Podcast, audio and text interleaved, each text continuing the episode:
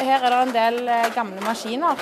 Maskiner som skulle gjøre produksjonen mer effektiv etter hvert. Det var for å vaske boksene, da. Det er som et, et kar hvor du senker boksene nedi for å vaske dem? Ja. Ingrid Marie Svendsen er vert på Norsk Hermetikkmuseum i Stavanger. Som seg hør og bør holder museet til i en nedlagt hermetikkfabrikk.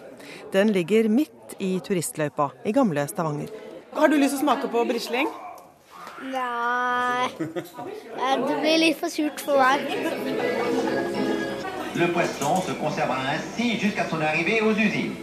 And it's quite interesting to get a flavour of something that used to be very important to the area. And you can smell it when you come in here, can't you? Yes, definitely. Lukta av sardiner og brisling er ikke til å ta feil av. Lorraine Allen Jones og Chris Forward fra London foretrekker derfor å høre om fiskehermetikken framfor å smake på den. We might try some later, but the smell is a little off-putting, I think. But I'm sure the people that used to work here would have been immune to it. They would have just, it would have been in their clothes, in their nose, so they wouldn't have noticed it, I'm sure. Um, vanligvis i juni-juli måned så forventer vi ca. 3000 mennesker per måned. I går hadde vi f.eks. 250 pluss, og i, dag forventer vi enda flere. Det sier Pierce Crocker. Han er daglig leder på Norsk Hermetikkmuseum, som er 30 år i år. Ja, og det var egentlig helt tilfeldigvis at eh, det året, nemlig 1982, da den aller siste hermetikkfabrikken i Stavanger ble nedlagt for siste gang, da åpnet museet. Men vi liker jo å si at vi er hermetikkhovedstaden. Og, og, og 70% av den norske eksporten gikk fra Stavanger. Fylkeskultursjef i Rogaland, Jon Gunnar Johnsen, var sjef for Hermetikkmuseet i mange år. Han vokste opp med familie i hermetikken. Og så har vi jo alltid hatt lyst til å si at det, det er òg her sardinproduksjonen starta i Norge. Dessverre så er det et hull. Var, de var tidligere ute med å produsere sardiner andre steder, men vi har med seg fikk til å, å gjøre det bærekraftig, gjøre det lønnsomt. Når en da starta i 1879 med å hermetisere de første sardinene og kalle det 'Smoke Sardines from Stavanger'. Og Hvor mange var det som jobba med dette da, i Stavanger på det meste? Minst en tredjedel av den yrkesaktive befolkningen i Stavanger var direkte eller indirekte knytta til hermetikkindustrien. Altså, hermetikken i seg selv sysselsetter la oss si, 6 10 000 mennesker, mer i sesongene, for dette er jo sesongarbeid, kvinnearbeid, barnearbeid. Men ser du da dette volumet. I 1915 så eksporterte en 350 millioner sardinbokser. Alle disse boksene, altså I tillegg til fisken, så trenger vi olivenolje. Enorme mengder som skulle importeres. Hadde fem fabrikker som produserte blikkbokser. Og låg hermetikknøkler. Vi hadde tre fabrikker som levde av å produsere gummipakninger til hermetikkindustrien. Og så hadde den grafiske industrien osv. En trodde jo at dette skulle fortsette å være. Røker Tore Førland håndterer ovnene, som er museets stolthet. Det, det, nei, altså dette her er jo, det er jo eikeved som får den gode smaken. Er det populært? Ja, ja, altså Turistene liker det veldig godt. Spanjoler, franskmenn og italienere. Jeg har ikke smakt, men jeg har jobba med det. Ja, må du fortelle. For mange, mange år siden. Hvor da? I Buktin.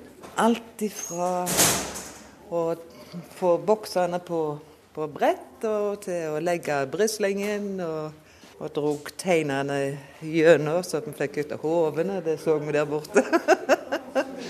Men allikevel så tok du turen på museum for å se. Ja, det mimra litt.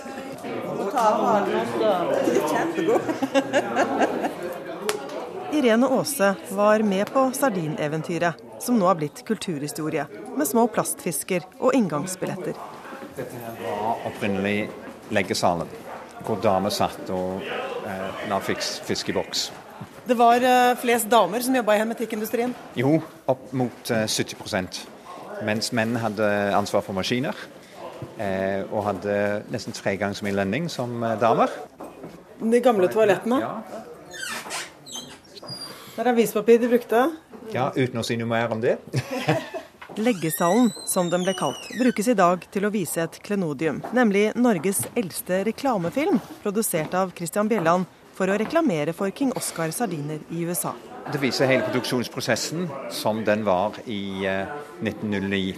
Og så på slutten kommer det en liten bit som viser en, eh, en fest hvor det kommer en gourmet Han tok en bit der og så veldig fornøyd ut. Ja, og det er bare fransk champagne som er det aller beste, som passer til sardinbespisning. Det som jeg syns er det fantastiske med dette, her, det er jo at det, dette er over 100 år siden. Og de hadde da en merkevarebevissthet om å ta vare på og utvikle et merkevare. For Det fascinerende når en ser på etikettene med King Oscar på, det er at denne kongen jo bare yngre og yngre og, og mer vital og godslig dess lenger en bruker dette varemerket. Verdens største iddis- eller etikettsamling. Det er bare en liten brøkdel som eh, vises i utstillingen. Eh, museet har nemlig i overkant av 33 000 ulike etiketter. Kongelige storheter, kvinneskikkelser, dyr, norrøne figurer, skip, forfattere og polfarere. Etikettene er en svært viktig del av hermetikkhistorien, forteller formannen i Iddis-klubben, Jon Gunnar Johnsen. Ja, Iddisa det er jo bygget på Stavanger-uttalen av idikett. Og Iddisa det var jo da de som var den type etiketter som var på sardinboksen. Dette er en del av en barnekultur og en samlekultur det å eie denne kapitalen altså Når du har fått de store bodene så gikk du inn i en drøm. Drømmen om å være onkel Skrue, om å være millionær for en liten stund. For da stilte du deg opp på f.eks. ei høy trapp i et loftsvindu, og så visste ungene at nå skal han drøse i det seg, skjene i det seg. Så samla det seg 20-30 unger, og så kunne du kaste ut disse iddisene, som på en måte var pengesedler. Og selve logoen til Christian Bjelland, mannen med fisken, var det ingen ringere enn Theodor Kittelsen som tegnet, forteller Pierce Crocker. Historien forteller at uh, han mannen som står der, ble egentlig tatt fra et av e- eventyrene som eh, TK hadde illustrert eller avbildet. Dette er bare en kopi, men vi har originalen arkivert. Og det er mange som påstår at uh, det var hans bestefar som var modellen til den. Og vi har et bilde av en av de fem Eh, som påstår at de var originalen. Er, jeg har sett veldig mange bokser hos eh, bestemoren min, som er 88 år. Hun samler veldig mye på det. Jeg spiser eh, fisk i hermetikk eh, på, på brødskivene og sånt. Makrell i tomat. Og leverpostei. Håkon Liberg og Gill Tind fra Asker er med familien på Norsk Hermetikkmuseum. Jon Gunnar Johnsen mener å vite hvorfor det lille museet hadde 17 000 besøkende i fjor. Eh, jeg tror det har noe med ektheten å gjøre. Altså, for dette er et museum på rot. Altså, her, dette her med å høre lyden av maskiner, smake på nyrøykte brisling. Og Her klarer han da å ta vare på både en historie og, og bygningsmassen. Og så, så dreier det seg òg om gjenkjenning. Det, aha, var det her mine sardiner ble produsert? Så det har vært Samme hvor i verden de kom fra, så kjente de igjen. Og så de, gikk de litt rundt, og så kjente de å, den har jo jeg spist! Dette varemerket det kjenner jeg jo ditt og datt.